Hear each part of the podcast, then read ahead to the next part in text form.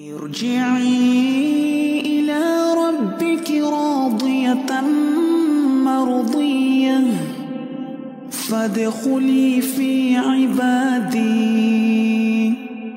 وادخلي جنتي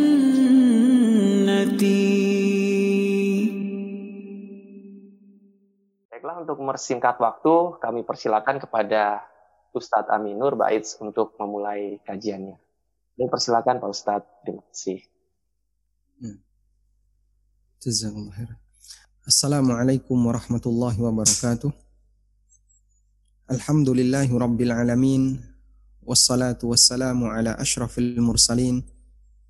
Nabiyyina wa maulana Muhammadin wa ala alihi wa sahbihi ajma'in.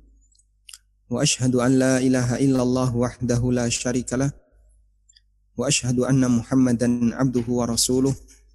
salawatu rabbi wassalamu alaihi wa ala alihi wa ashabihi.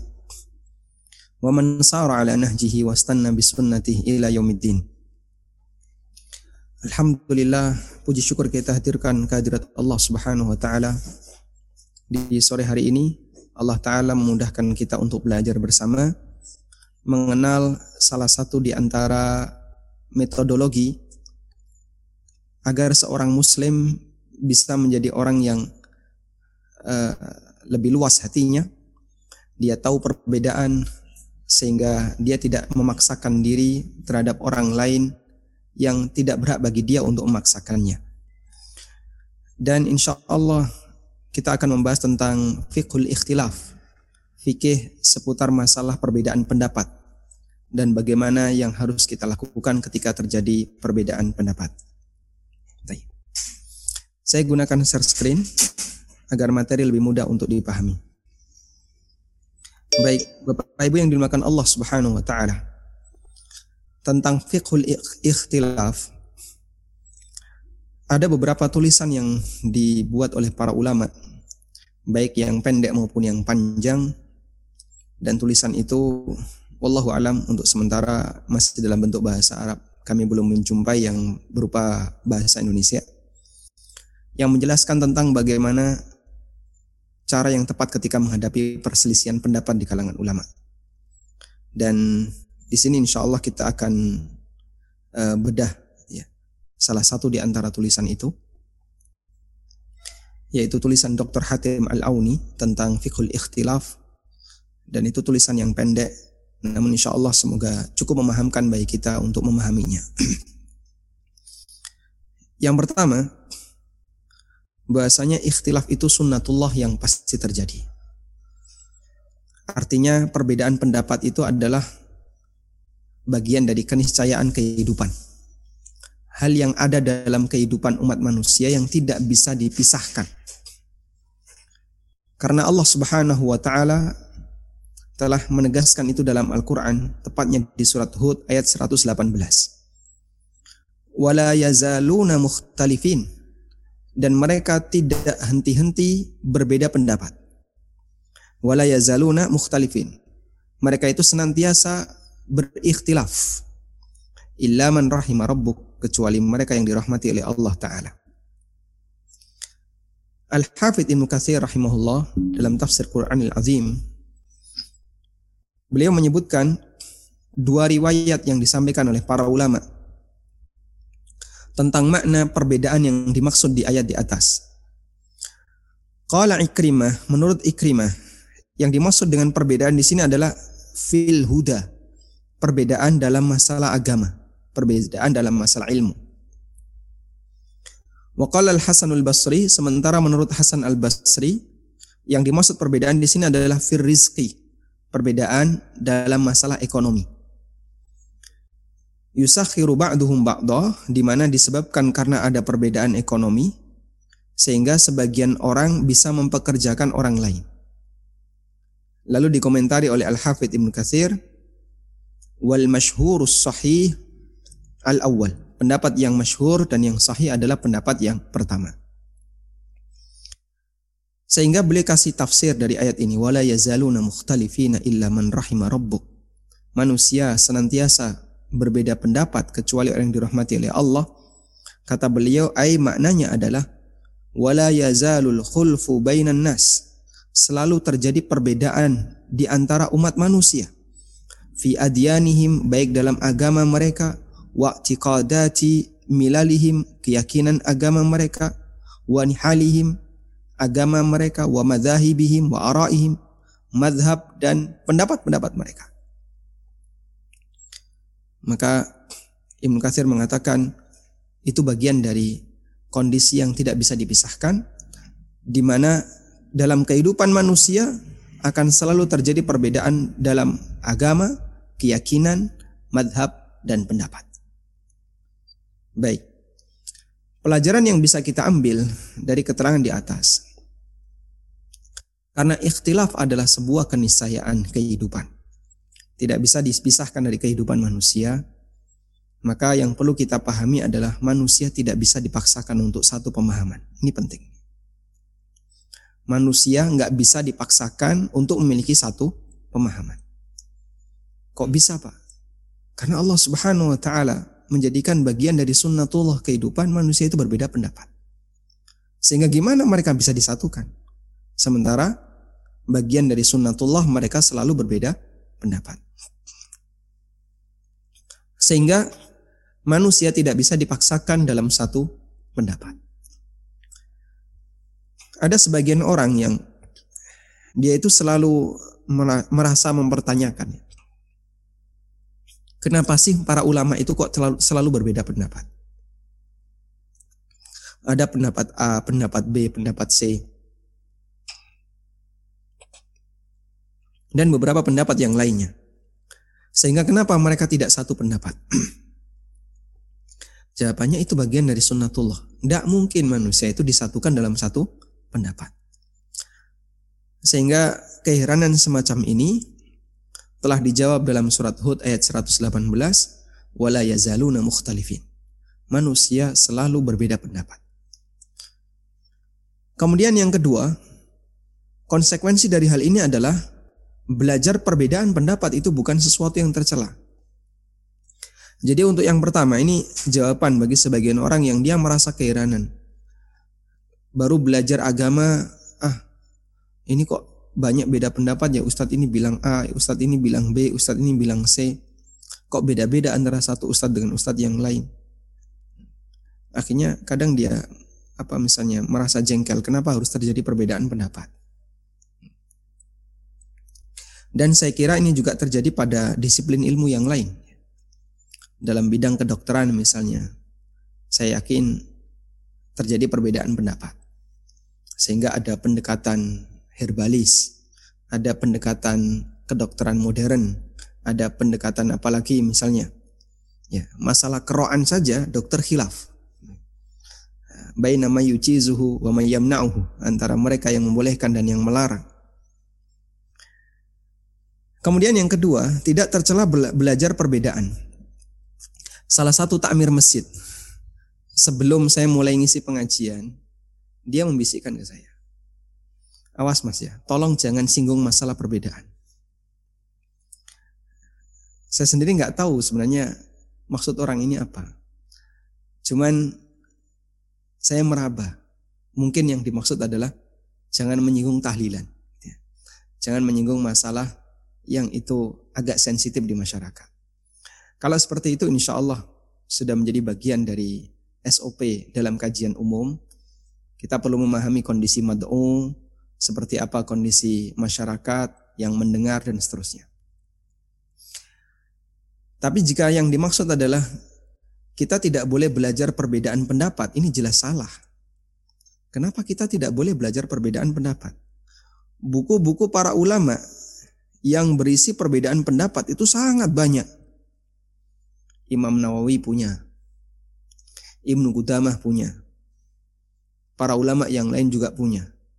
Ibnu Katsir punya, ulama-ulama yang lain yang mereka membahas tentang ikhtilafat bainal ulama, perbedaan pendapat di kalangan ulama. Di situ dicantumkan berbagai macam perbedaan pendapat.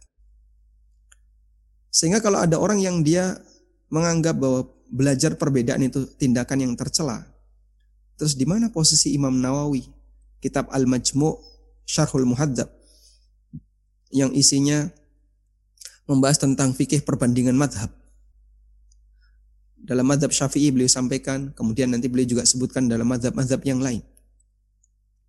Bagaimana dengan posisi Ibnu Qudamah Al-Muwaffaq yang beliau juga menyebutkan perbandingan mazhab dalam kitabnya Al-Mughni. Dan masih banyak karya-karya yang lain yang di situ menyebutkan perbedaan pendapat. Para ulama yang mereka menulis buku mutawwalat, buku yang berjilid-jilid, yang panjang, rata-rata menyebutkan khilaf di antara sesama ulama. Dan mereka hadirkan itu untuk dipelajari oleh para muridnya, murid-muridnya, dan generasi setelahnya. Sehingga membaca buku semacam ini dan menyampaikannya di masyarakat bahwa dalam masalah ini ada sekian pendapat, ada sekian pendapat, itu bukan hal yang tercela. Ada salah satu di antara sekelompok kaum muslimin yang dia itu paling anti belajar ikhtilaf fikih. Bahkan saya pernah mendengar langsung di antara tokoh mereka ya meskipun bukan tokoh yang atas ya yang dia suka berdakwah dia mengatakan penyebab perpecahan kaum muslimin adalah belajar fikih. La haula wala quwata illa billah. Ini orang karena dia tidak tahu latar belakang perbedaan. Sehingga dia menuduh bahwa ikhtilaf ulama itu ikhtilaf di antara ulama adalah sebab perpecahan di kalangan kaum muslimin. Baik. Nanti kita akan lihat ya tentang macam-macam khilaf sehingga kita bisa mendudukkan khilaf seperti apa yang boleh dan yang tidak boleh. Yang ketiga, adanya perbedaan itu jangan diperbanyak. Jadi ini sebuah realita. Tapi realita ini realita yang kurang bagus. Tidak bisa kita hindari, pasti akan ada. Ya. Namun statusnya kurang baik. Karena itulah Allah Subhanahu wa taala menyebut dalam ayat di atas, "Illa man rahima rabbuk." Manusia senantiasa berselisih pendapat kecuali orang-orang yang diberi rahmat oleh Rabbmu. Dan mereka yang diberi rahmat oleh Allah taala adalah mereka yang selamat dalam kejadian ikhtilaf itu. Sehingga bukan semakin memperkeruh suasana, tapi dia berusaha untuk memposisikan dirinya di tempat yang tepat orang yang selamat dialah yang dirahmati oleh Allah Subhanahu wa taala. Artinya begini. Nabi Shallallahu alaihi wasallam terkadang beliau menyebutkan realita di akhir zaman. Yang itu pasti terjadi, la muhalata, nggak mungkin bisa dihindari, pasti terjadi. Namun itu bukan pembenar untuk kejadian tersebut. Itu realita kehidupan, tapi hadis itu tidak bisa kita jadikan sebagai pembenar. Contohnya Rasulullah Sallallahu Alaihi Wasallam pernah menyebutkan kelak di akhir zaman saya ti ala nasi zamanun la yubalil mar'u aina akhadha min? Aminal halal aminal haram? Akan datang satu zaman di tengah umat manusia di mana orang sudah tidak lagi peduli dari mana dia ambil harta apakah dari yang halal ataukah dari yang haram. Hadis riwayat Bukhari. Apakah hadis ini boleh kita jadikan sebagai alasan pembenar Berarti kita boleh bekerja di dunia yang haram? Ya. Karena kan nanti datang satu zaman di mana orang sudah nggak lagi peduli masalah pendapatan dari halal atau haram. Ya jelas tidak. Betul itu bagian dari realita yang tidak bisa kita pisahkan dari kehidupan. Namun itu bukan alasan pembenar bagi kita untuk melakukan pelanggaran. Ada salah satu di antara hadis yang dijadikan sebagai alasan para penggiat riba. Sehingga terjadilah khilaf antara penggiat riba dengan penggiat anti riba. Gitu ya. Ada dua penggiat. Penggiat riba ini mengatakan, percuma saja kalian itu berusaha untuk menghindari riba. Karena Rasulullah SAW pernah mengatakan bahwa di akhir zaman itu riba menyebar di mana-mana, ya, sampai orang yang berusaha untuk menghindarinya asabat min gubariha tetap terkena debunya riba. Ya, jadi sudahlah nggak usah sok suci, kamu juga terkena debunya riba. Terus maksud lo gimana? Ya udah mari kita riba bareng-bareng. La haula wala quwata illa billah. Jadi Rasulullah Shallallahu Alaihi Wasallam menyampaikan itu sebagai apa bagian dari mukjizat beliau di mana beliau mengabarkan tentang kondisi akhir zaman tentang realita umat. Yang itu pasti terjadi tapi itu bukan alasan bagi kita untuk melakukan pelanggaran. Termasuk juga misalnya zina tersebar pembunuhan tersebar. Apakah itu bisa kita jadikan sebagai alasan? Jawabannya tidak. Baik. Umat manusia Allah sebutkan bagian dari realitanya pasti mereka akan berbeda pendapat Apakah kemudian dengan itu lalu, kita boleh keluar-keluar mengatakan, mari kita ciptakan perbedaan pendapat sebanyak-banyaknya. Ya keliru. Diperkecil, jangan diperbanyak. Sehingga semakin mengerucut semakin bagus. Baik, meskipun tidak mungkin orang disatukan dalam satu pendapat. Sebagaimana tadi, semakin banyak orang yang meninggalkan riba makin bagus, meskipun praktek itu tidak mungkin bisa hilang orang yang uh, apa berusaha untuk mengambil yang halal itu bagus dan kita arahkan semua manusia mari kita tinggalkan harta haram meskipun keberadaan manusia yang mereka sudah lupa dalam mengambil harta apakah dari yang halal atau dari yang haram itu tidak bisa dihindari dari kehidupan masyarakat. Selanjutnya jamaah yang dimuliakan Allah mukaddimah yang kedua bahwa khilaf itu bukan dalil. Khilaf itu bukan dalil. Ini penting ya. Karena ada sebagian orang yang dia uh, suka bilang seperti ini. Pokoknya kalau kamu menjumpai perbedaan pendapat, kamu bebas milih mana pun, kamu bebas milih pendapat mana pun, kalau benar kamu dapat pahala. Kalau salah yang nanggung dosa ustadzmu. Wah, kok enak kayak gini. Andaikan prinsip ini benar, kita nggak usah belajar agama. Biarkan kita untuk menjadi orang yang bodoh agama, tinggal ngikuti saja siapa pun yang akan kita ikuti. Loh kenapa? Jadi ustadz. Kalau pengikutnya benar milih ustadz, dia dapat pahala. Kalau salah, yang nanggung resiko ustadznya. Pengikutnya nggak nanggung resiko. Ya kok enak. Mending jadi pengikut kayak gitu. Selamat dia dunia akhirat. Karena kalau salah kan dia nggak nanggung resiko apa pun yang nanggung dosa, dosanya siapa? Kiainya, ustadznya. Nggak bisa, ini prinsip apa? Gitu. Quran tidak mengajarkan semacam ini. Karena itu khilaf tidak bisa dijadikan sebagai dalil. Masih banyak orang yang punya anggapan seperti itu. Ya kan selama masih ada ulama yang berpendapat seperti itu boleh. Nah terus masuk kayak gitu? Selama masih ada ini ranah perselisihan. Selama masih ada perselisihan, maka kita dikasih kelonggaran, boleh milih mana pun. Salah kalau kayak gitu. Pemahaman itu keliru. Terus yang benar gimana? Islam tidak pernah menjadikan perbedaan pendapat sebagai dalil. Sehingga ketika ada orang yang melakukan tindakan kekeliruan, lalu dia beralasan, yang penting kan ini masih perbedaan pendapat ulama. Jadi kamu jangan mengingkari saya. Ya. Loh itu berdalil dengan khilaf dan khilaf itu bukan dalil. Justru sebaliknya khilaf butuh dalil.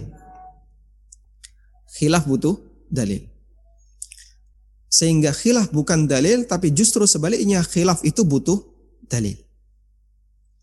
Apa dalil kalau khilaf butuh dalil? Dalilnya firman Allah Ta'ala di surat An-Nisa ayat 59. Allah berfirman, "Ya ayyuhalladzina amanu atiullaha wa atiur rasul wa ulil amri minkum." Wahai orang-orang yang beriman, taatlah kalian kepada Allah, taatlah kepada Rasul dan ulil amri di antara kalian. Ya? Taatlah kepada tiga hal, kepada tiga sosok Allah Taala, Rasulullah Sallallahu Alaihi Wasallam dan ulil amri.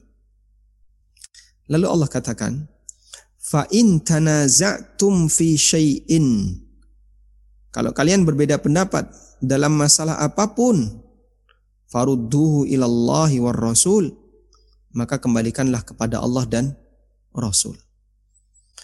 Taatlah kepada tiga hal. Allah, Rasul, dan ulil amri.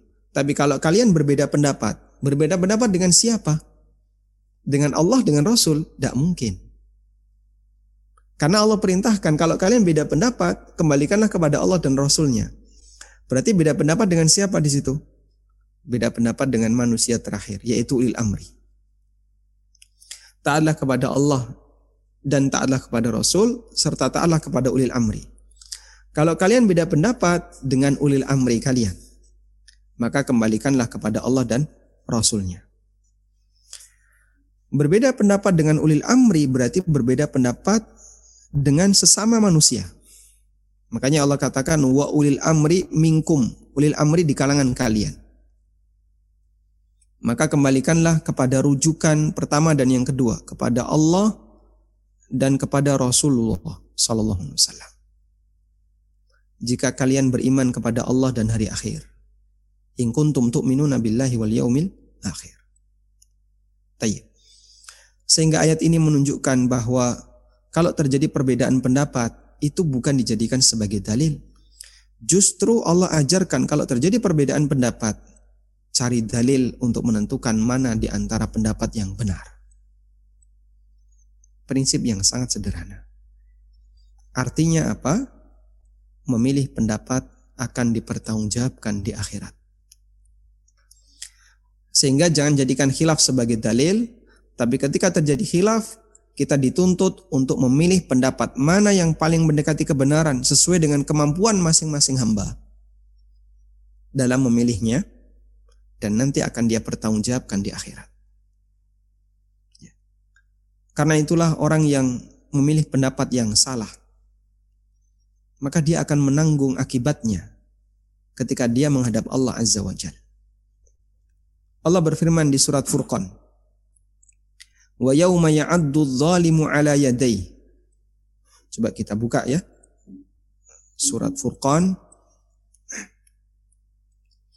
Allah berfirman di surat Furqan, "Wa yauma ya'addu dhalimu ala yadai." Silakan dibuka surat Furqan ayat 27. Coba kita buka surat Furqan ayat 27.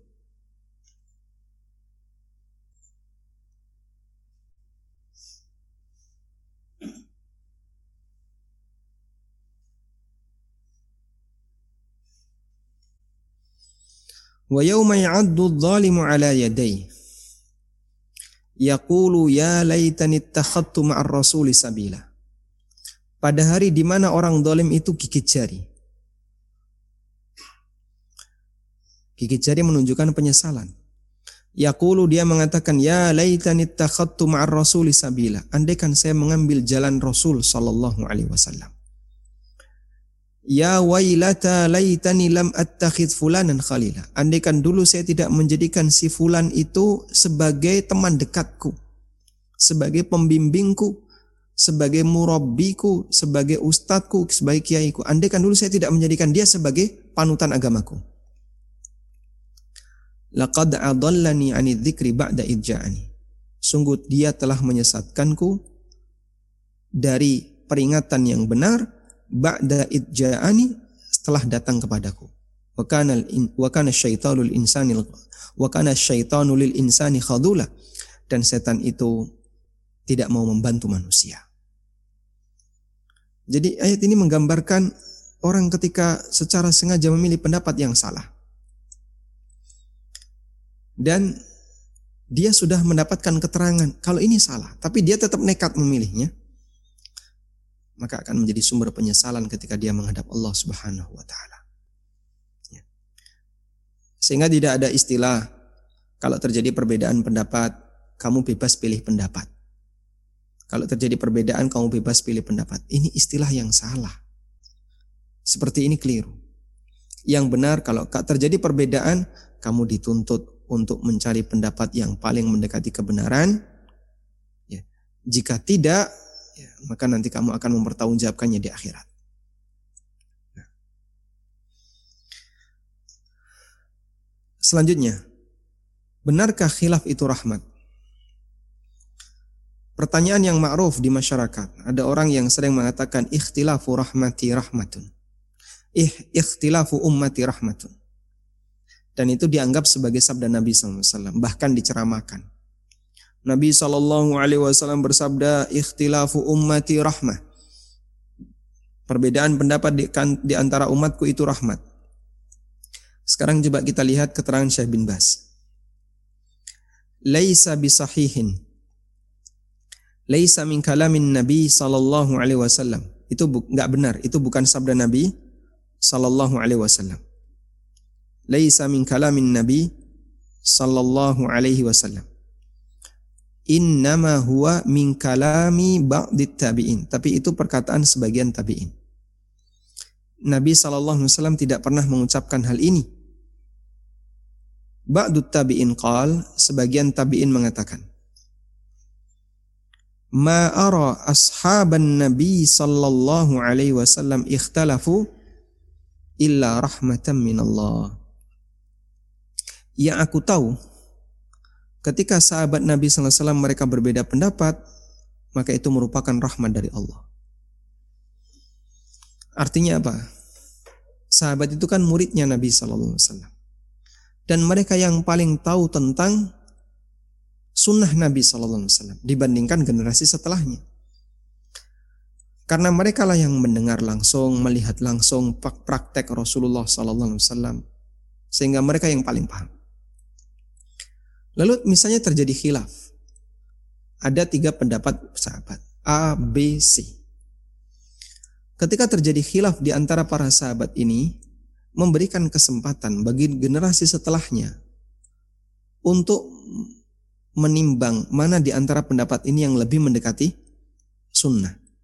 Dan upaya itu akan menjadi bagian dari amal seorang hamba. Yaitu upaya berijtihad alladzina yastami'una al-qawla fayattabi'una ahsana. Orang yang mendengar pendapat-pendapat dan dia mengambil mana yang paling tepat. Yakni maksudnya, maksud beliau, maksud tabi ini kata Syekh bin Bas, hatta yandural mujtahidu wa yata'ammalu dalil. Sehingga seorang mustahid bisa menyimak, merenungkan dalil, mana di antara pendapat ini yang lebih mendekati kebenaran. Dan itu akan menambah wawasan bagi dia. Dan itu bagian dari amal. Karena mustahid itu akan mendapatkan pahala. Fal ikhtilafu bainal ulama fihi masalihun lil muslimin, fihi masalih lil muslimin. Ketika terjadi ikhtilaf di antara ulama, maka di sana terdapat maslahat bagi kaum muslimin Wa in kanal ijtima'u afdalu wa ahsan. Meskipun persatuan itu lebih afdal dan lebih baik. Dalam istima di sana ada rahmat dan kebaikan. Sebagaimana yang Allah firmankan dalam Al-Quran. Wala yazaluna mukhtalifin illa man rabbuk. Manusia senantiasa berbeda pendapat kecuali yang dirahmati oleh Allah Ta'ala. Ar-rahmatu ma'al, ma'al jamaah. Sehingga rahmat itu bersama jamaah. Intinya dari penjelasan beliau bahwa pernyataan ikhtilafu ummati rahmah tidak boleh kita sebut sabda Nabi SAW. Karena Nabi SAW tidak pernah mensabdakan demikian. Dan apakah kalimat itu benar? Benar dari satu sisi, ya, dan bisa jadi keliru dari sisi yang lain. Benar dari sisi di mana keberadaan perbedaan pendapat sahabat dan para ulama-ulama kibar itu memberikan kesempatan bagi generasi setelahnya untuk mencari tahu, merenungkan mana di antara perbedaan pendapat ini yang lebih mendekati kebenaran. Dan itu menjadi tambahan amal bagi dia. Sehingga kalau Bapak Ibu membaca perbedaan pendapat ulama, ya, misalnya uh, Imam Fulan berpendapat demikian, Imam Fulan berpendapat demikian lalu Anda pelajari alasannya. Itu kan tambah beban bagi kita ya. Ketika kita belajar nambah beban. Tapi tambah beban itu insya Allah nambah pahala. Karena kita sedang menimbang mana di antara pendapat ini yang lebih sesuai dengan kebenaran. Dan itu bagian dari upaya menjalankan perintah Allah. Fa fi syai'in farudduhu ilallahi war rasul. Kalau kalian beda pendapat dalam masalah apa pun, kembalikanlah kepada Allah dan Rasulnya, Sallallahu Alaihi Wasallam. Baik. Dan tidak tepat dari sisi yang lain, yaitu dari sisi disebut bahwasanya khilaf lebih baik dibandingkan persatuan. Itu keliru. Jelas ijma lebih baik dibandingkan khilaf. Meskipun kalau ada khilaf bisa berpotensi sebagaimana yang pertama. Namun kalau disebut ikhtilaf itu lebih baik, keliru. Sehingga kalau ada anggapan ya adanya perbedaan itu lebih baik, tidak selalu. Bisa jadi perbedaan itu menjadi uh, sumber fitnah, ya, malah petaka bagi umat manusia. Nah, kita lanjutkan. Berikutnya kita akan mengenal macam-macam ikhtilaf. Ikhtilaf atau khilaf ada dua. Ada khilaf tanawwu ada khilaf tadad. Ada khilaf yang at-tanawwu salah nulisnya. Khilaf at-tanawwu dan ada khilaf tadad.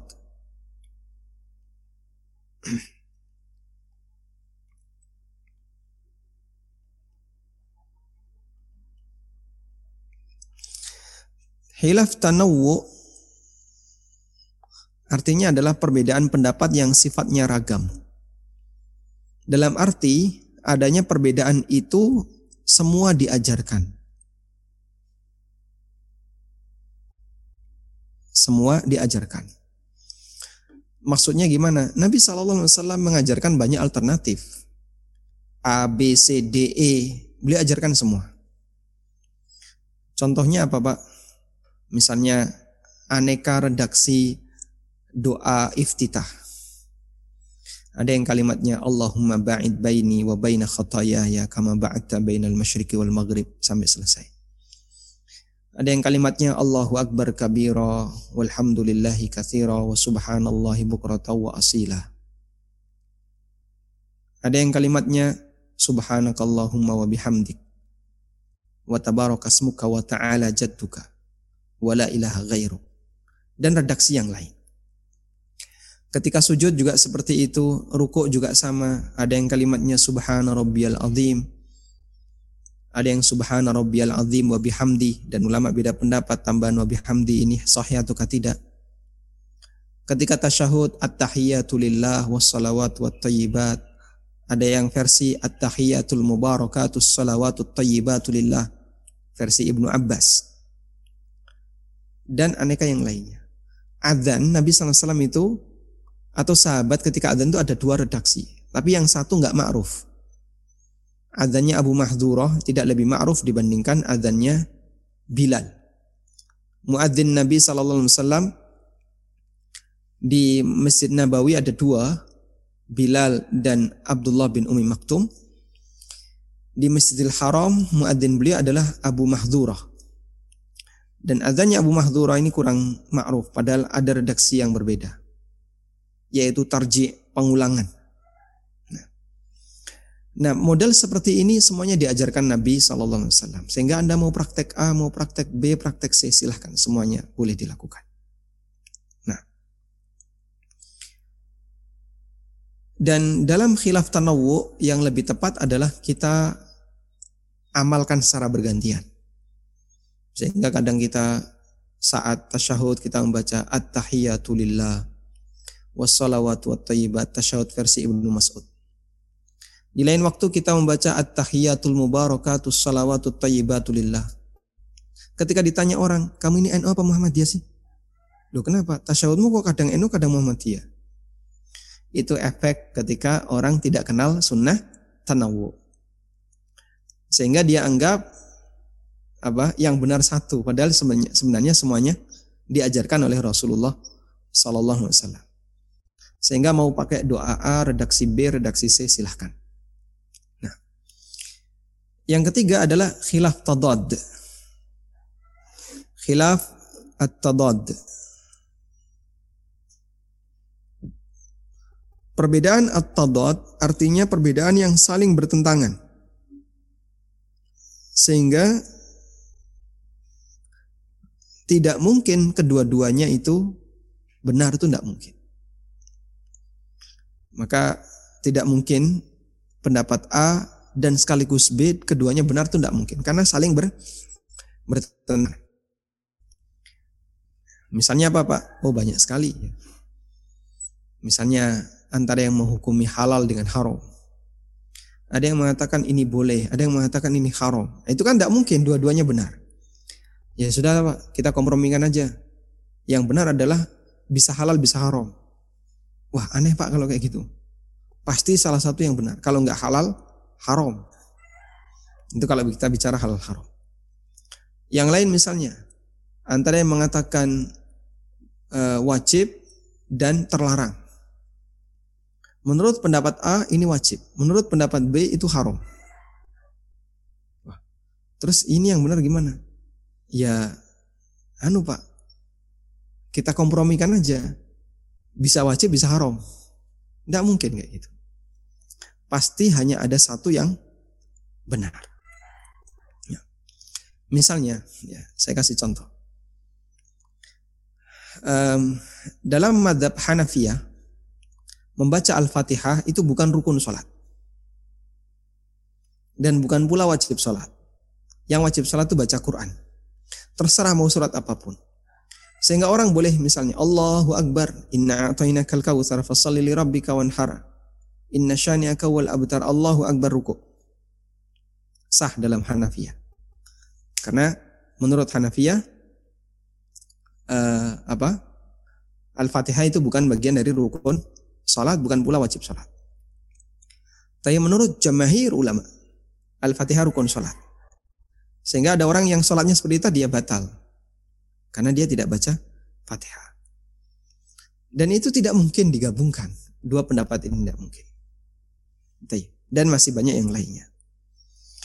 Untuk menyebutkan ini cukup banyak di masyarakat kita ya. Nah, untuk khilaf tadad yang saling bertentangan, maka para ulama memberikan rincian. Di sana ada yang muktabar, khilafun sa'id. Dan ada yang tidak muktabar. Muktabar itu artinya diperhitungkan. Diperhitungkan. Ada yang tidak muktabar berarti tidak diperhitungkan. Sa'id itu artinya boleh ada perbedaan yang ditoleransi dan ada yang gairu sa'ik tidak boleh tidak ditoleransi. Artinya apa? Kalau perbedaan seperti ini kita hargai, ini perbedaan. Kalau yang kayak gini tidak kita hargai. Jelas ini yang satu pendapat yang menyimpang. Kalau tidak boleh dikatakan sesat misalnya. Tapi sama ya, menyimpang dengan sesat. Contohnya apa Pak? Baru-baru ini ada yang mengatakan bahwa zina itu halal dengan konsep milkul yamin. Berarti terjadi perbedaan pendapat ulama antara yang mengatakan zina haram dan yang mengatakan zina halal. La haula wala quwata illa billah. Ini pendapat yang baru datang mengatakan zina halal bisa sampai pada tingkatan kekufuran. Kalau orang sampai meyakininya. Karena perbuatan zina itu jelas haram ma'lumun min ad-din bid darurah dipahami oleh seluruh orang oleh seluruh muslim sehingga adanya perbedaan pendapat itu tidak diperhitungkan. Artinya tidak ditoleransi. Apakah Abu Bakar itu penduduk surga ataukah penduduk neraka? Dua pen pendapat. Kaum muslimin meyakini Abu Bakar penduduk surga. Orang Syiah meyakini Abu Bakar kekal di neraka. Apakah perbedaan pendapat ini dihargai? Tidak. Kalau itu semuanya dihargai, ya, maka pendapat orang yang nggak jelas pun nanti diakui. Ya. Misalnya, apakah betul Mirza Gulam Ahmad itu nabi ataukah bukan? Ya ini nggak perlu disinggung lah pendapat kayak perbedaan pendapat kayak gini. Udah jelas yang satu menyimpang. Dalam khilaf tadad kebenaran hanya satu karena tidak mungkin dua hal yang bertentangan kedua-duanya benar itu tidak mungkin. Allah berfirman afala yatadabbaruna al-Qur'an. Walau kana min indi ghairillahi lawajadu fi ikhtilafan katsira. Apakah mereka tidak memperhatikan Al-Quran? Kalau kiranya Quran itu datang dari selain Allah, kalau kiranya Quran itu bukan dari sisi Allah, tentulah mereka akan mendapatkan pertentangan yang banyak di dalamnya. Sehingga nggak mungkin kebenaran yang datang dari Allah itu saling bertentangan tuh nggak mungkin. Maka tidak mungkin perbedaan pendapat, yang satu pendapat A, yang satu pendapat B, lalu keduanya benar itu tidak mungkin. Padahal perbedaan ini saling bertentangan. Kalau yang kasus tadi, um, apa yang khilaf tanawu, yang, itu sifatnya ragam, itu semuanya benar. Tapi kalau yang ini tidak mungkin dua-duanya benar. Tayyip. Sehingga dalam khilaf tadad kebenaran hanya satu, tidak mungkin berbilang. Hanya satu. Nah, sekarang kita akan bicara khilaf muktabar.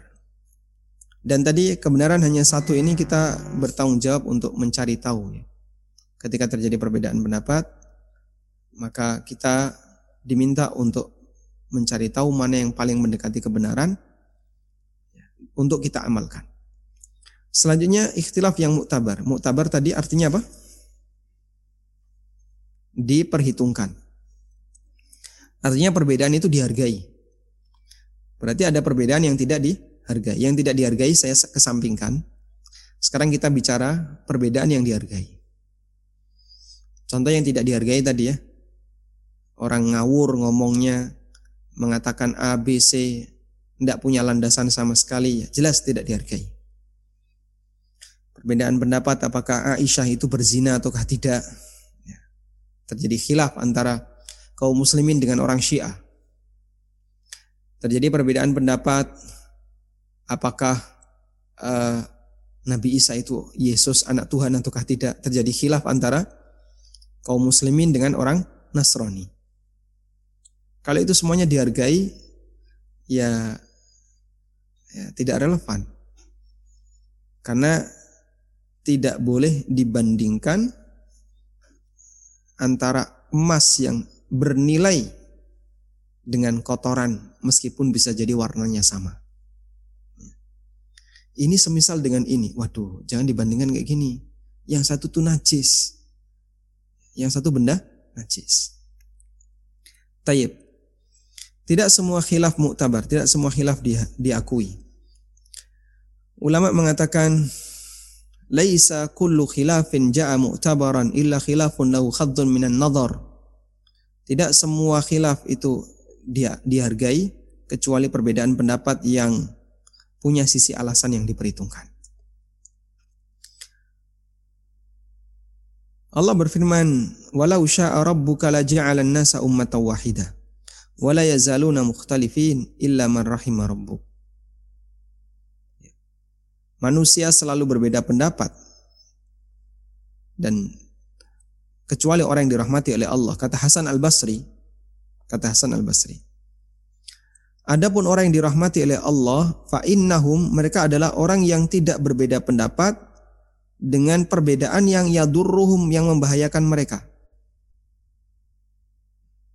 Yang dimaksud dengan illa man rahima rabbuk, orang yang dirahmati oleh Allah dalam perbedaan pendapat adalah mereka berbeda pendapat, tapi dalam hal yang tidak membahayakan bagi mereka.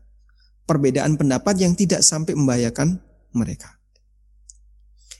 Di sini beliau rahimahullah menjelaskan bahwa para ulama, orang-orang yang mulia, mereka berbeda pendapat dengan perbedaan pendapat yang sifatnya mubah, la yadurruhum sehingga tidak membahayakan mereka. Kesimpulan sebaliknya bahwa orang selain mereka, selain ulama yang berbeda pendapat, dorun maka itu membahayakan bagi mereka. Wa wal ikhtilaful muharram dan itulah perbedaan pendapat yang haram. Imam Syafi'i juga pernah punya perkataan yang semisal.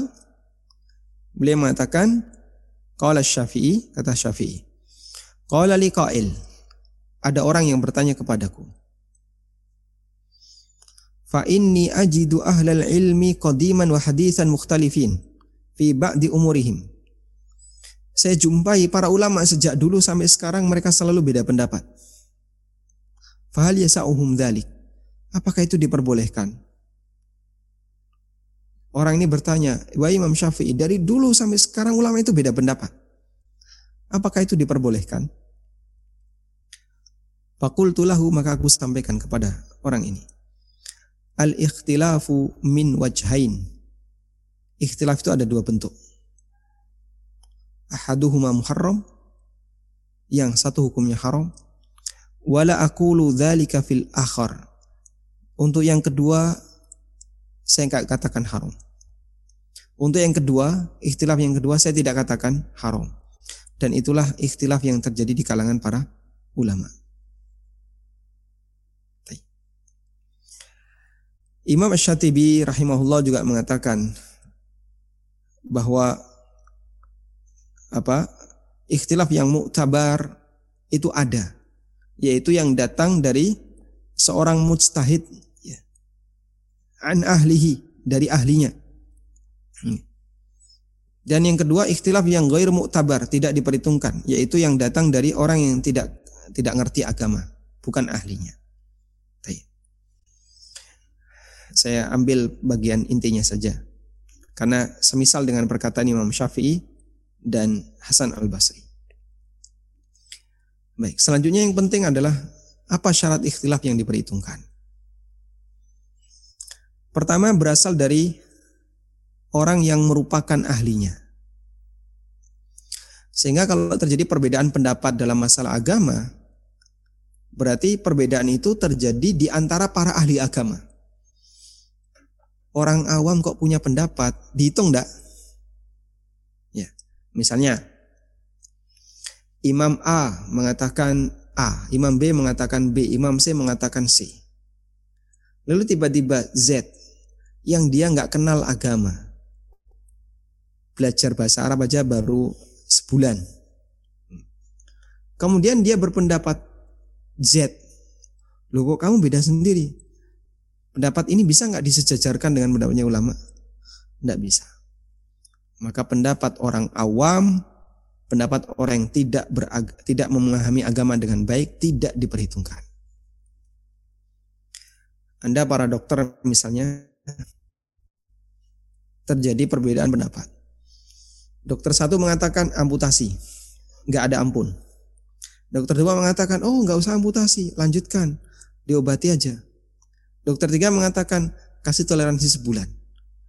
Sebulan ini kita obati kalau tidak ada baru amputasi. Terjadi perbedaan pendapat. Saya bicara. Menurut saya jangan diamputasi, jangan dibiarkan selama sebulan, tapi misalnya saya ngasih pendapat X. Anda tentu akan mengatakan, lo siapa? Tidak punya disiplin latar belakang disiplin ilmu kedokteran, nggak pernah belajar ini sehingga pendapat saya dianggap nggak? Nggak dianggap. Kenapa? Kamu ini siapa? Berpendapat seperti itu. Karena saya tidak punya disiplin ilmu kedokteran. Nabi Shallallahu Alaihi Wasallam pernah bersabda al qudatu salah satun ya. hakim itu ada tiga. Dua masuk neraka satu masuk surga Siapa saja itu? Pertama, orang yang tahu kebenaran. Faqadabihi. Dan dia menerapkan kebenaran itu dalam keputusannya. Fil jannah. Maka dia masuk surga. Warajulun arafal haqqa. Yang kedua, orang yang tahu kebenaran. Falam yakdibihi. Tapi dia tidak terapkan kebenaran itu dalam keputusannya. Wajara fil hukmi. Dan dia zalim ketika menghukumi fahuwa finnar, maka dia di neraka.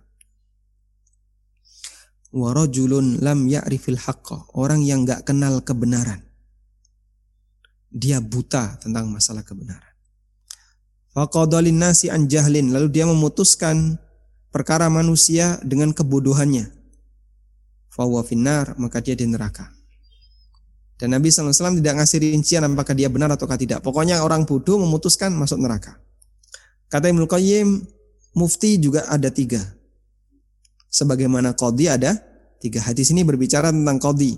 Tapi kata Ibnu Qayyim, mufti orang yang beri fatwa juga seperti itu. Wala farqa bainahuma, enggak ada bedanya. Selain kalau kodi keputusannya mengikat, kalau mufti keputusannya tidak mengikat. Sehingga orang yang bicara agama memberi fatwa ada tiga. Pertama yang tahu kebenaran dan dia menyampaikan kebenaran itu. Dia fatwakan kebenaran itu. Maka insya Allah ini seperti kodi yang jenis pertama, masuk surga. Yang kedua dia tahu kebenaran tapi dia fatwakan menyimpang dari kebenaran. Dia masuk neraka. Yang ketiga, orang yang ngasih fatwa dengan kebodohannya, masuk neraka juga. Meskipun bisa jadi be benar. Ada orang tanya kepada bapak atau kepada ibu, kayak gini boleh nggak sih? Menurutku sih boleh, nggak apa-apa, boleh aja, lanjut aja. Oh, boleh ya, alhamdulillah, tenang saya sekarang. Jadi temannya yang bodoh agama tanya sama temannya, yang temannya ini juga nggak ngerti agama. Sehingga terbitlah fatwa dari orang jahil. Nah, fatwa dari orang yang nggak ngerti agama. Meskipun bisa jadi fatwa ini benar. Dalam perkembangannya, mereka berdua ngaji. Lalu mendengar sang ustadz menyampaikan dalil, duh tuh, itu lihat tuh, yang kemarin saya sampaikan. Sesuai kan dengan apa yang, yang disampaikan ustadz? Ya, sesuai itu. Nah, kemarin kamu bisa jawab kayak gitu dari mana? Ngarang. Wah. Bahaya itu. Jangan ngarang. Meskipun bisa jadi benar tetap apa? Berdosa. Ya. Yang kedua, perbedaan pendapat tidak boleh menyalahi ijma yang absolut, ijma qat'i. Jadi tidak boleh ada pendapat yang menyalahi ijma. Ma khalafa ijma'al ummah. Apa yang menyalahi ijma' maka kita pastikan dia batil. Karena ijma' itu bagian dari dalil yang absolut. Sehingga tidak ada kemungkinan lain kecuali benar. Ya. Dan orang yang menyalahi ijma' tidak mungkin dia berada di pihak yang benar. Tidak mungkin. Ulama sepakat haram Tiba-tiba ada orang yang mengatakan, enggak kok menurut saya halal. Udah pendapat kamu nggak dihitung. Oh, sudah ada kesepakatan kalau ini haram. Sehingga kalau orang sudah sepakat riba itu haram, lalu tiba-tiba ada tokoh masyarakat yang mengatakan riba halal, nggak diperhitungkan. Saya ketika uh, ditanya orang, kan ada itu beberapa tokoh masyarakat Indonesia yang menghalalkan bunga bank. Ya. Terus itu gimana? Ya saya jawab bisa jadi itu menyalahi ijma. Ijma siapa? Ijma'nya para ulama kontemporer yang menjumpai bank. Meskipun di masa silam tidak ada, karena bank muncul belakangan. Dalam salah satu muktamar uh, yang diselenggarakan di Mesir, ya, Allah alam itu apakah macam fikih Islami atau apa yang itu dihadiri oleh lebih dari 300 ulama dari berbagai negara. Sebagaimana dikutip dalam buku Ahkam Malil Haram 300 ulama ini mereka secara aklamasi dalam satu forum itu menyatakan bahwa uh, bunga bank adalah riba yang haram. Sehingga tidak diperbolehkan. Nah, jika ada orang di zaman sekarang lalu dia mengatakan bunga bank nggak apa-apa, boleh. Maka ini fatwa yang menyalahi ijma, tidak perlu digubris. Nah ijma qat'i ada dua. Yang pertama yang jelas diketahui ada di tengah umat ini. Seperti wajibnya melaksanakan beberapa kewajiban Islam. Sholat itu wajib, itu ijma. Kalau ada orang yang mengatakan, enggak, sholat itu pilihan. Maka dia pendapat yang menyalahi ijma. Atau haramnya perbuatan al-fawahish al-ma'lumah, perbuatan dosa-dosa yang jelas. Zina haram, jelas. Masih ada orang yang mengatakan zina halal, itu pendapat yang tidak perlu digubris. Kemudian apa lagi misalnya? Khamar itu haram jelas. Babi itu haram jelas. Meskipun ada orang yang mempromosikan babi, nggak perlu digubris. Karena jelas itu haram. Asani yang kedua, ijma sukuti, ijma yang bukan secara aklamasi, ijma diam. Artinya tidak ada pengingkaran apa pun. Ketika ada banyak indikator yang menunjukkan kalau itu qat'i, kalau itu absolut. Tayyib. Dan kita bisa mengetahui itu ijma ataukah tidak, salah satunya adalah dari keterangan ulama. Kemudian yang ketiga, tidak keluar dari rentang perbedaan, rentang pendapat para ulama sebelumnya. Artinya bukan pendapat baru.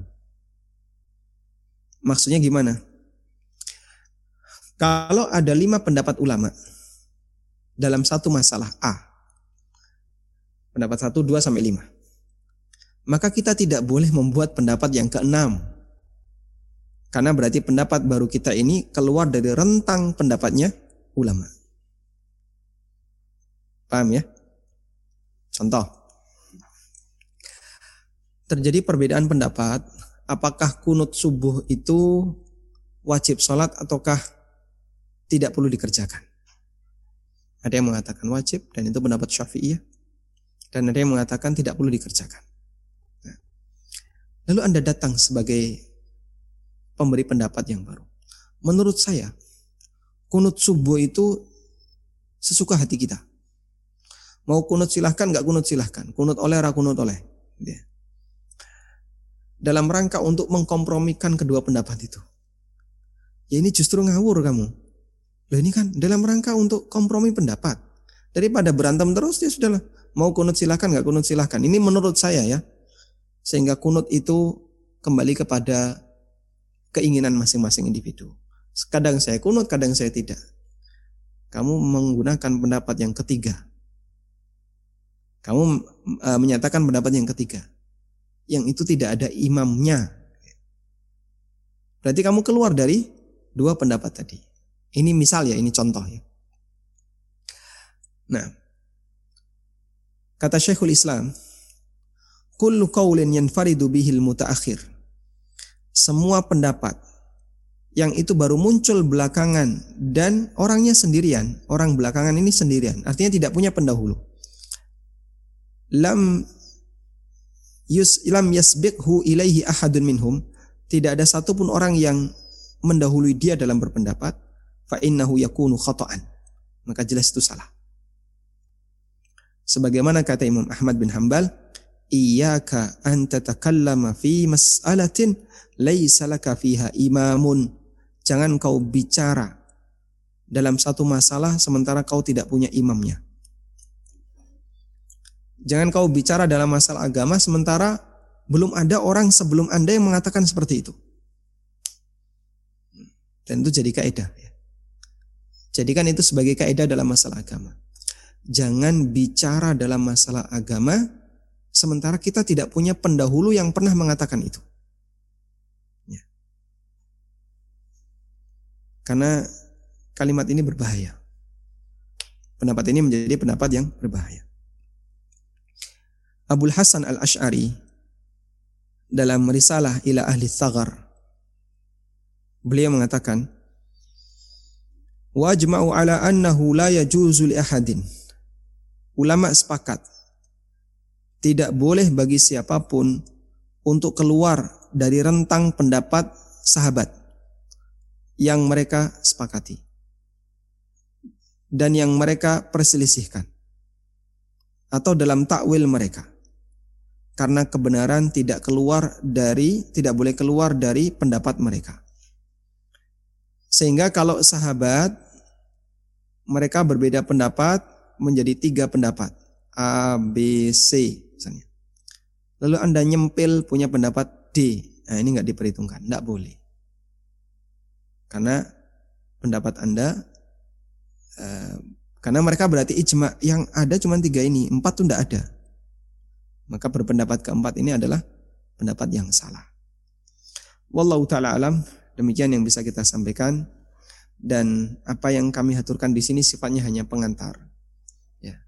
Tentu masih banyak catatan yang lain ya, dalam masalah khilaf yang belum kita bahas, yang mungkin barangkali Anda jumpai dalam kajian yang lain. Semoga pengantar ini bermanfaat. Wassalamualaikum Muhammadin wa ala alihi wa sahbihi wasallam. Baiklah kurang lebih demikian. Jadi sudah ada beberapa uh, pertanyaan uh, Pak Ustadz jadi dari para jemaah. Yang pertama saya akan menyampaikan yang pertama adalah Ustadz uh, apa definisi usul dan furu? Apakah khilaf dapat terjadi uh, pada hal-hal usul? Kurang lebih demikian Pak Ustadz. Baik. Apa definisi usul dan furu? Secara bahasa, usul itu artinya pokok. Furu artinya cabang. Ya, secara itu mana secara bahasa. Dan bolehkah kita membagi agama ini dengan usul dan furu? Ada sisi yang mengatakan boleh dan ada sisi yang mengatakan dilarang. Yang benar jawabannya boleh, tapi dengan pemahaman yang benar. Jika kita memahami dalam agama ini ada usul dan furu, dengan arti bahwa usul itu hanya masalah akidah saja. Sedangkan furu itu selain masalah akidah. Maka ini pembagian usul dan furu yang salah. Karena usul itu tidak hanya masalah akidah saja. Masalah fikih pun ada yang bagian usul.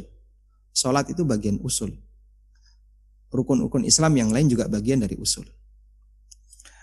Terus jika kita mengakui agama bisa dibagi ke dalam usul dan furu, lalu batasannya apa?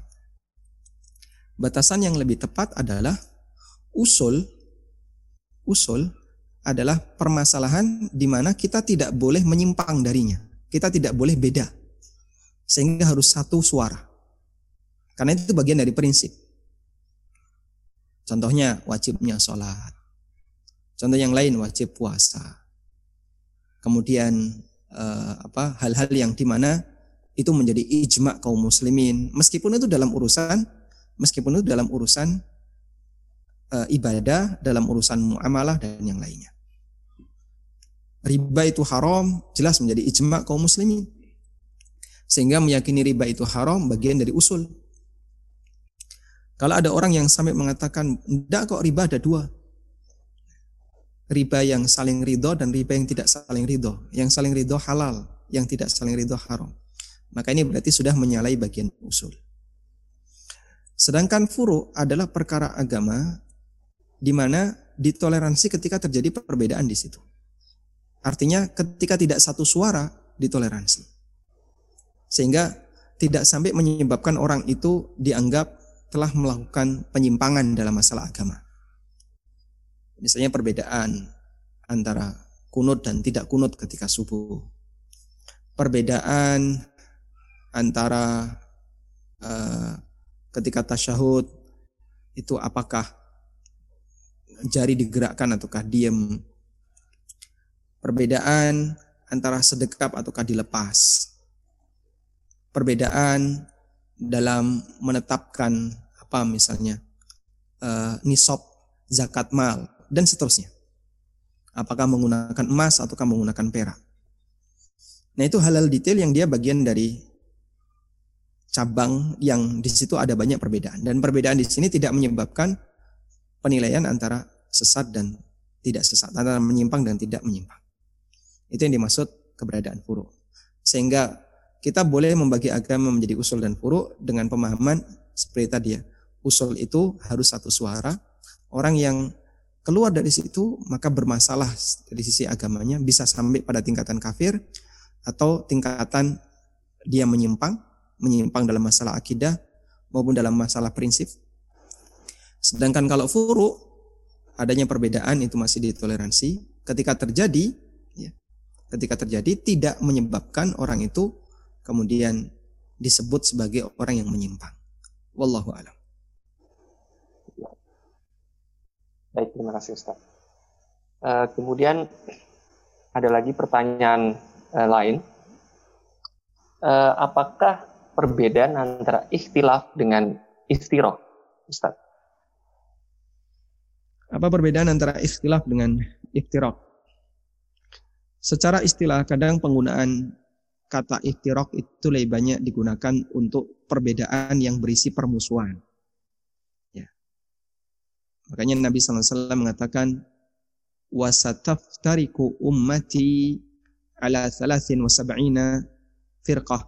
Umatku akan terpecah menjadi 73 firqah. Yang di situ beliau sebut kulluha finnar illa wahidah. Semuanya di neraka kecuali satu. Dan ini berbicara untuk kaum muslimin sendiri. Karena Nabi SAW telah menyebutkan Yahudi terpecah jadi 70, 71 golongan. Nasrani 72. Umat Muhammad SAW jadi 73. Semuanya di neraka kecuali satu. Sehingga iftirat itu konotasinya selalu buruk. Sedangkan ikhtilaf ada ikhtilaf yang tadi ya kita sudah jelaskan yang konotasinya terpuji karena itu terjadi di latar belakangi oleh ijtihad ilmiah dan orang tidak mungkin bisa dipaksakan pada satu pendapat sehingga ulama A berpendapat A, ulama B berpendapat B sesuai dengan latar belakang istihad. Dan ada yang konteksnya tercela. Misalnya terjadi ikhtilaf, tapi yang satu tidak perlu diperhitungkan pendapatnya. Wallahu a'lam. Baik Pak Ustaz, terima kasih. Uh, pertanyaan berikutnya adalah uh, bagaimana Pak Ustadz sikap kita atas uh, suatu hal apabila ada satu ulama uh, yang mengatakan halal, tapi ulama lain ini mengatakan haram. Ini sebagai contohnya adalah misalnya pajak. Nah ini siapa yang harus kita ikuti kalau misalnya ada perbedaan yang cukup uh, ekstrim seperti ini kurang lebih Ustaz. Dalam masalah muamalah, ikhtilaf di sana cukup banyak. Dan ada salah satu buku yang ditulis oleh Syekh Muhammad Taqi Al-Usmani. Beliau dari Pakistan. Tapi buku beliau banyak jadi rujukan oleh mereka yang belajar muamalah. Fiqhul muamalat uh, fil madhahibil arba'ah. Fikih muamalah dalam empat madhab. Dan beliau ini adalah uh, salah satu khabir atau bahkan bahkan ini khabir ya uh, apa, apa, kalau khabir itu istilahnya orang tertinggi dalam penelitian itu namanya? Jadi beliau yang menjadi orang tertinggi dalam penelitian yang dilakukan oleh sejumlah ulama untuk membuat juklak perbankan syariah internasional yang diterbitkan oleh AOIV Al-Ma'ayir Syariah. Nah itu uh, Syekh Muhammad Taqi Utsmani. Dan di situ beliau menyebutkan adanya khilaf dalam masalah muamalah yang terjadi di kalangan para ulama. Hal yang terdekat sering kita lakukan, perbedaan pendapat antara Syafi'iyah dengan jumhur. Syafi'iyah membolehkan, jumhur melarang, Syafi'iyah melarang, jumhur membolehkan. Dan itu sering kita lakukan. Artinya dalam praktek transaksi sehari-hari pun kita sebenarnya sudah sering mengalami khilaf itu. Cuman kita tidak sadar karena kita tidak tahu. Baik. Kalau terjadi seperti itu bagaimana? Kalau terjadi seperti itu, upaya yang kita lakukan adalah Allah ajarkan, fa in tanaza'tum fi syai'in faruddu ila Allah wa Rasul. Kalau kalian beda pendapat, kembalikan kepada siapa? Allah dan Rasul. Loh, taunya gimana? Wong saya jumpai cuma dua, Ustadz A, Ustadz B. Anda cari tahu alasan Ustadz A apa alasan Ustadz B. Kalau dua-duanya nggak tahu gimana? Pakai pendekatan karakter. Ya, kadang apa pendapat itu jadi lebih subjektif. Karena kita nggak tahu alasan masing-masing. Pokoknya taunya Ustadz A bilang boleh, Ustadz B bilang nggak boleh. Kita gunakan pendekatan subjektif. Dengan melihat bagaimana latar belakangnya. Ustadz A ini lebih fokus dalam masalah muamalah. Yang jelas ya, ibaratnya kalau begini ya dokter A mengatakan ususnya dipotong. Dokter B mengatakan ususnya jangan dipotong. Dokter A spesialis penyakit dalam. Dokter B spesialis kandungan. Kira-kira kita sebagai pasien ngikuti yang mana apalagi dokter C spesialis kulit nah, dia ngomong ususnya dipotong tentu kita akan lebih mengikuti mana yang lebih spesialis. Nah, kurang lebih seperti itu pula ketika kita menimbang pendapat di antara para ustaz. Ya ini kalau beliau yang ya tiap hari ngetekur belajar ya, sinau masalah itu yang fokus masalah itu tiap hari. Sehingga pasti penelitian beliau akan lebih jeli. Maka Anda silahkan ikuti pendapat itu. Wallahu a'lam. Terima kasih Ustaz. Jadi kurang lebih uh, kita melihat CV dari eh, masing-masing uh, ulama kurang lebih begitu Ustaz ya. Itu salah satu Jadi, indikator ya. Salah satu. Ya indikator. Jadi mana yang lebih ya. kompeten lah gitu ya. Jadi, terima kasih Pak Ustaz. Eh, satu lagi pertanyaan ya, karena di sini sudah menjelang maghrib. Ah baik Ustaz. Jadi terakhir Pak Ustaz, uh, ini cukup menarik ini. Uh, izin bertanya Pak Ustadz. Jadi sebatas zaman mana ulama yang bisa dijadikan rujukan pendapat. Contohnya, dalam hal musik ada pendapat ulama ahlu sunnah Ibnu Hazim yang membawaifkan semua hadis tentang musik. Kurang begitu Pak Ustaz. Tanya. Baik. Sejauh mana uh, pendapat atau ulama yang boleh diambil pendapatnya? Jawabannya selama dia ulama, hidup di generasi apa pun, dan dia menyampaikan kebenaran, maka boleh kita ambil pendapatnya. Ada banyak pendapat yang tidak kita ketahui karena kita tidak belajar referensi masa silam. Ya, saya yakin masyarakat Indonesia secara umum yang mereka tidak belajar referensi ulama masa silam kan dia nggak tahu khilaf antara Imam Ahmad, Imam Syafi'i, Abu Hanifah, Imam Malik karena mereka tidak ngerti. Dia nggak belajar itu. Tapi taunya Ustadz A bilang seperti ini, Ustadz B bilang seperti ini. Sehingga mentok dia itu sampai pada tokohnya. Baik, intinya bahwa ketika terjadi perbedaan pendapat, kita diwajibkan untuk mengambil mana pendapat yang paling mendekati kebenaran. Baik. Lalu jika ada sepakat maka jika ada ulama generasi setelahnya berpendapat yang baru tidak dianggap karena sudah terjadi kesepakatan. Sehingga generasi pertama lebih unggul ketika mereka punya kesepakatan. Saya ulang ya. Ulama generasi pertama itu lebih unggul ketika mereka punya kesepakatan. Sahabat ijma seperti ini. Kok ada orang berpendapat B, sahabat ijma, orang berpendapat B di zaman tabiin nggak diterima. Kenapa? Karena sahabat sudah ijma pendapatnya A. Sehingga kalau kamu berpendapat B, kamu bicara masalah agama, nggak punya panutan. Generasi setelahnya misalnya, sahabat, tabiin, tabi tabiin, mereka sepakat berpendapat X. Lalu ada generasi jauh di abad yang kelima. Lalu dia bicara, Y, tidak diterima. Dari situlah kemudian kita bisa menyimpulkan bahwa uh, perbedaan pendapat di kalangan ulama apa yang terdahulu itu lebih dikedepankan. Nah sekarang seperti contoh Ibnu Hazm tadi ya. Ibnu Hazm mendoifkan hadis itu. Hadisnya riwayat Bukhari. hadisnya riwayat Bukhari. Sehingga kalau dia menilai hadis itu daif, ya dia berhadapan dengan orang yang jauh lebih ahli hadis dibandingkan Ibnu Hazm. Ya sekalipun kita menghargai sosok beliau sebagai seorang tokoh ulama dengan madhab zahiriyah. Namun saat terjadi khilaf, kadang beberapa pendekatan subjektivitas kita hadirkan, kita hadirkan di situ. Karena kita tidak bisa menilai. Saya kalau disuruh menilai hadis tidak bisa saya.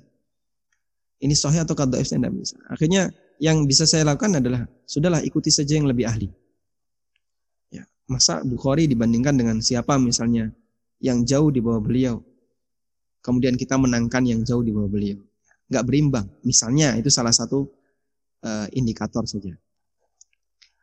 Sehingga uh, kembali kepada masing-masing individu. Fattakullah mastata'tum. Bertakwalah kepada Allah semampunya karena Allah akan mempertanggung Allah akan meminta pertanggungjawaban setiap perbuatan yang kita lakukan. Wallahu taala alam. Mungkin itu Pak Bayu yang bisa kita aturkan. Jazakumullah khairan.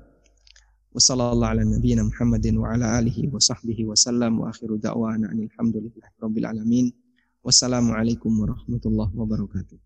Waalaikumsalam warahmatullahi wabarakatuh. ارجعي إلى ربك راضية مرضية. فادخلي في عبادي. وادخلي جنتي.